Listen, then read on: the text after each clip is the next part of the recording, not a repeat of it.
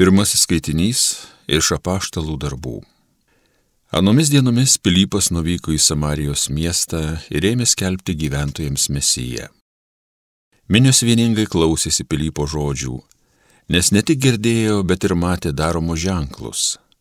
Iš daugelio apseistųjų baisiai šaukdamos išeidavo netyrosios dvasios. Buvo pagydyta daug paralyžiuotųjų ir luošų. Taigi didelis džiaugsmas pasklido po tą miestą. Apaštalai Jeruzalėje išgirdė, jog Samarija priėmė Dievo žodį, nusintė tenai Petrą ir Joną. Šie atvyko ir ėmė melstis už samariečius, kad jie gautų šventąją dvasę. Maty dar nebuvo ne vienam jų nužengusi ir jie te buvo pakrikštyti Jėzaus vardu. Tuomet apaštalai dėjo ant jų rankas ir tie gavo šventąją dvasę. Tai Dievo žodis.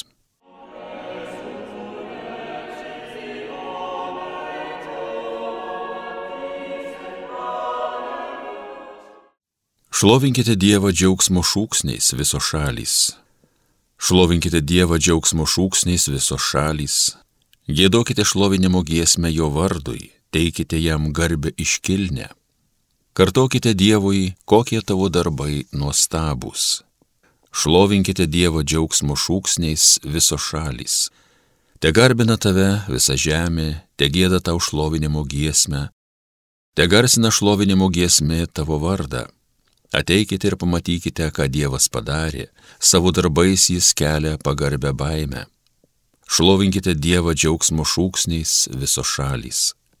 Sausumais pavertė jūrą, per upę perėjo pėsti mūsų protėviai, ten mes džiūgavom juos sužavėti, jis amžinai viešpatauja savo galybę. Šlovinkite Dievo džiaugsmo šūksniais viso šalys.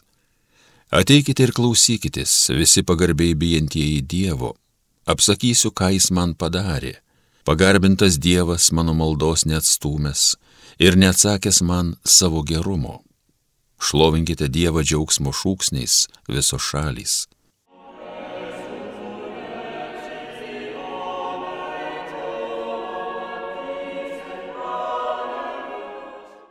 Antrasis skaitinys iš Šventojo Paštalo Petro pirmojo laiško. Mylimieji. Šventai sergėkite savo širdyse viešpatį Kristų, visuomet pasirengę įtikinamai atsakyti kiekvienam klausiančiam apie jumise gyvenančią viltį. Bet tai darykite švelniai ir atsargiai, turėdami gryną sąžinę, kad šmeižiantys jūsų gerą elgesį Kristuje liktų sugėdinti dėl to, už ką jūs šmeižia. Pagaliau, jei tokia būtų Dievo valia, verčiau kentėti už gerus darbus negu už piktus. Kristus vieną kartą numirė už nuodėmės, teisusis už neteisiuosius, kad mus nuvestų pas Dievą, beje, kūnu numarintas, o dvasia atgaivintas. Tai Dievo žodis.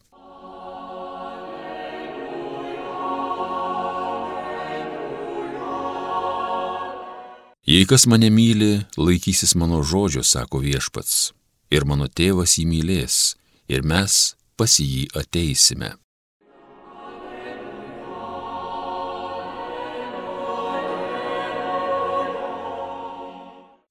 Pasiklausykite Šventojios Evangelijos pagal Joną. Anuo metu Jėzus kalbėjo savo mokiniams. Jei mane mylite, jūs laikysitės mano įsakymų. Aš paprašysiu tėvą ir jis duos jums kitą globėją, kuris liktų su jumis per amžius, tiesos dvasę, kurios pasaulis neįstengia priimti, nes jos nemato ir nepažįsta, o jūs ją pažįstate nes ji yra pas jūs ir bus jumise. Nepaliksiu jūsų našlaičiais, ateisiu pas jūs. Dar valandėlė ir pasaulis manęs nebematys, o jūs mane matysite, nes aš gyvenu ir jūs gyvensite. Tai dienai atėjus jūs suprasite, kad aš esu tėve ir jūs manyje ir aš jumise. Kas pripažįsta mano įsakymus ir jų laikosi, tas tikrai mane myli. O kas mane myli, tą mylės mano tėvas, ir aš jį mylėsiu ir jam apsireikšiu. Girdėjote viešpaties žodį.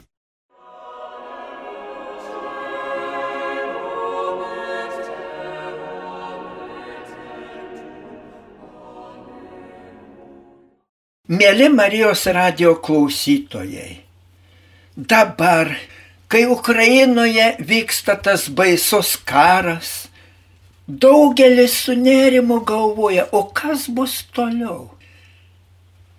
Ar nebus pasaulio pabaiga, ar netaps tas karas atominiu? Kasgi bus ateityje? Kas dar mūsų laukia? Ir žmonės pradėjo dabar labai domėtis visokiomis pranašystėmis. Griebėme kaudos pranašystės, pilna visokių kitokių spėliojimų. Taip, taip, visada žmonėms labiausiai rūpi ateitis, ypač pabaiga. Štai mama savo trims vaikams skaito visokias istorijas. Vaikai mielai klauso.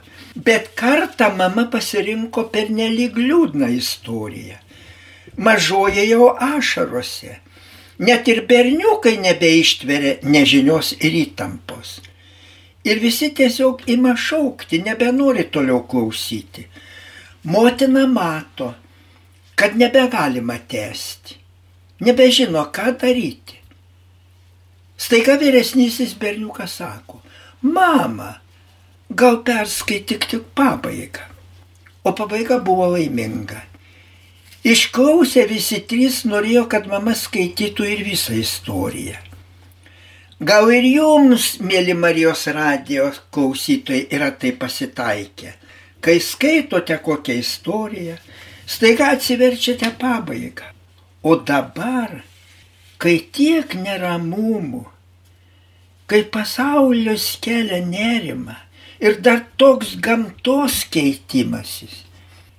Kai kur darosi nebeįmanoma gyventi. Pavyzdžiui, Afrikoje. Kai kur begalinės sausros, nebegalima išauginti jokio derliaus.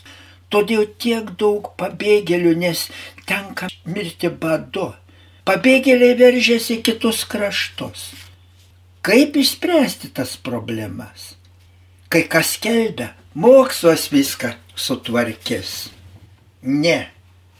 Pasaulis, pasaulio mokslas nieko negali padaryti. Per silpnos viso pasaulio galybės, kad sutvarkytų. Imkim, kad ir Ukraina. Kai ji tapo nepriklausoma, turėjo atominį ginklą. Didžiosios valstybės įkalbinėjo atomo atsisakyti. Amerika, Vokietija, Anglija, Prancūzija, Rusija pasižadėjo saugoti ją, kad niekas nedrįstų liesti jos teritorijos. Dabar nesiliauja Ukrainos kraujas. O jei ji būtų pasilikusi atomą, jokia svetima valstybė nebūtų drįsusi įkelti kojos. Taigi klausimas, ar ginklai, ar galybės Ar didžiosios valstybės nulėmė pasaulio ateitį? Juk ne. Atsiverskime tą didžiosios pasaulio istorijos knygą, šventai raštą. Skaitydami jau pačią pirmąją knygą, pradžios knygą, pamatysime, kad toji knyga nekalba apie nuo meto tarptautinius santykius. Abraomas išgirdo Dievo kvietimą ir su šeima išėjo iš savo gimtinės Chaldėjų Ūro į Kanano kraštą. Toji Abraomo šeima pakreipė visos žmonijos istoriją ir padarė jai didesnę įtaką negu tuo metinės Šumerų, Babilono ar Romos galybės. Taigi žmonijos ateitį nulėmė Abraomas ir tą saujelį žmonių klausančių Dievo. Užvaldė Kananą, ėmė užrašinėti Dievo žodį. Iš švento rašto aišku, kad Dievas galų gale viską sutvarko. Todėl ir skelbė šventasis raštas jau prieš 3000 metų psalmės 45 žodžiais. Siautėja tautos, bet griūva karalystės nugriaudė jo balsas, karus visoje žemėje jis sustabdo. Ne veltui daugelis komunistinės sąjungos žlugimą, Lietuvos nepriklausomybės atkūrimą vadina stebuklu, nes tai nulėmė nedidžiausios pasaulio galybės. Ne, aiškiai nie piršto nepridėjo jokia pasaulio galybė. Stebuklas tai buvo, Dievas nulėmė. Todėl supraskime, popiežius Pranciškus dabar matydamas tą pasaulio betvarkę, liepia melstis ir daryti atgailą už pasaulio išgelbėjimą. Ir jis primena pranašo Jonos knygą. Juk Niniviai grėsi sunaikinimas, bet viso krašto malda ir atgaila ją išgelbėjo. Galų gale pagalvokime ir apie bažnyčią. Visos pasaulio galybės bandė ją sunaikinti. Juk milijonai kankinių yra, pradedant nuo pirmo amžiaus iki dabar. Krikščionybė ir dabar persekiojama Kinijoje, Kambodžoje po raudonųjų kmerų nugalėjimo iš 650 tūkstančių krikščionių liko tik 13 tūkstančių. Mozambike net krikštas uždraustas. Už kryžiaus turėjimą mirties bausmi. Nuolat girdime, pasaulyje sprogdinamos bažnyčios, dinksta kunigai, vienuoliai, tikintieji. Bet du tūkstančius metų pasaulis tengiasi sunaikinti bažnyčią ir niekaip negali. Nes Jėzus Kristus pažadėjo, pragaro vartai jos nenugalės. Tai didžiausias stebuklas, nes pasaulyje nėra tokios organizacijos, tokios valstybės, kuri būtų išsilaikiusi 2000 metų.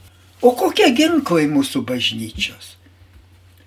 Ar įsigilinote, brangieji, kokį išsilaikymo pergalės ginklą nurodo Jėzus Kristus?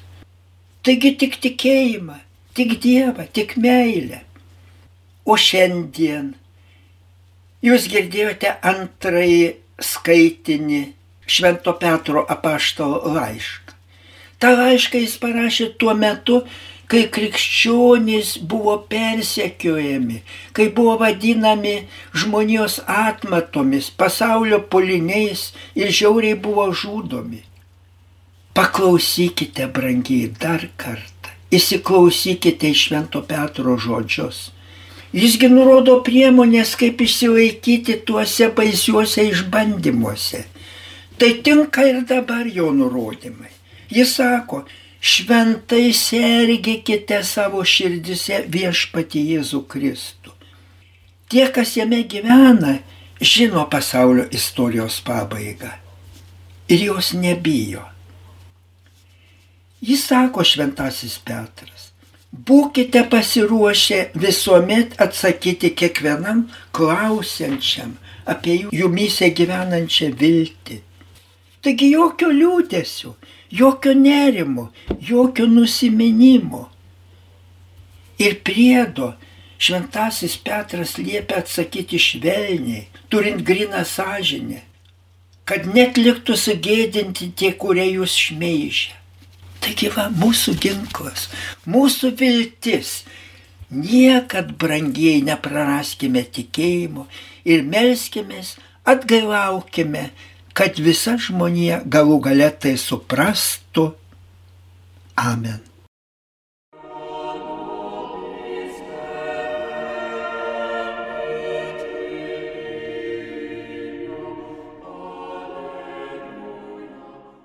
Homilyje sakė Panevižio vyskupas emeritas Jonas Kauneckas.